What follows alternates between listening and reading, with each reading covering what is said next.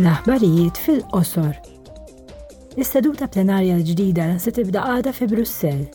Wara nofsinhar, il-membri tal-Parlament Ewropew se jivvalutaw l-eżitu tal-Kunsill Ewropew li seħħ fit-23 u fl-24 ta' Marzu, f'dibattitu mal-President tal-Kunsill Ewropew Charles Michel u mal-President tal-Kummissjoni Ewropea Ursula von der Leyen.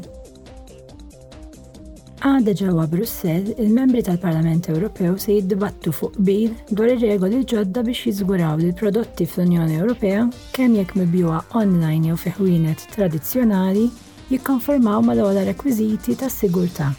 Il-membri tal-Parlament Ewropew se jivvutaw fuq il-liġi l-ġdida nhar il-Ħamis, li tinkludi l-proċeduri l-ġodda għas-sejħiet lura ta' prodotti mis-suq u t-tneħħija ta' prodotti perikolużi mibjuha online.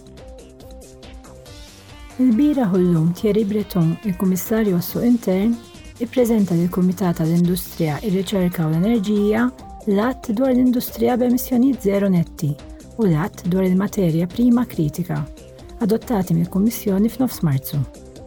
Iż-żewġ atti ġew imħabbra fil-Pjan Industrijali tal-Patt Ekoloġiku bl-għan li tiżdied ir-reżiljenza, il-kompetittività u l-awtonomija tal-Unjoni.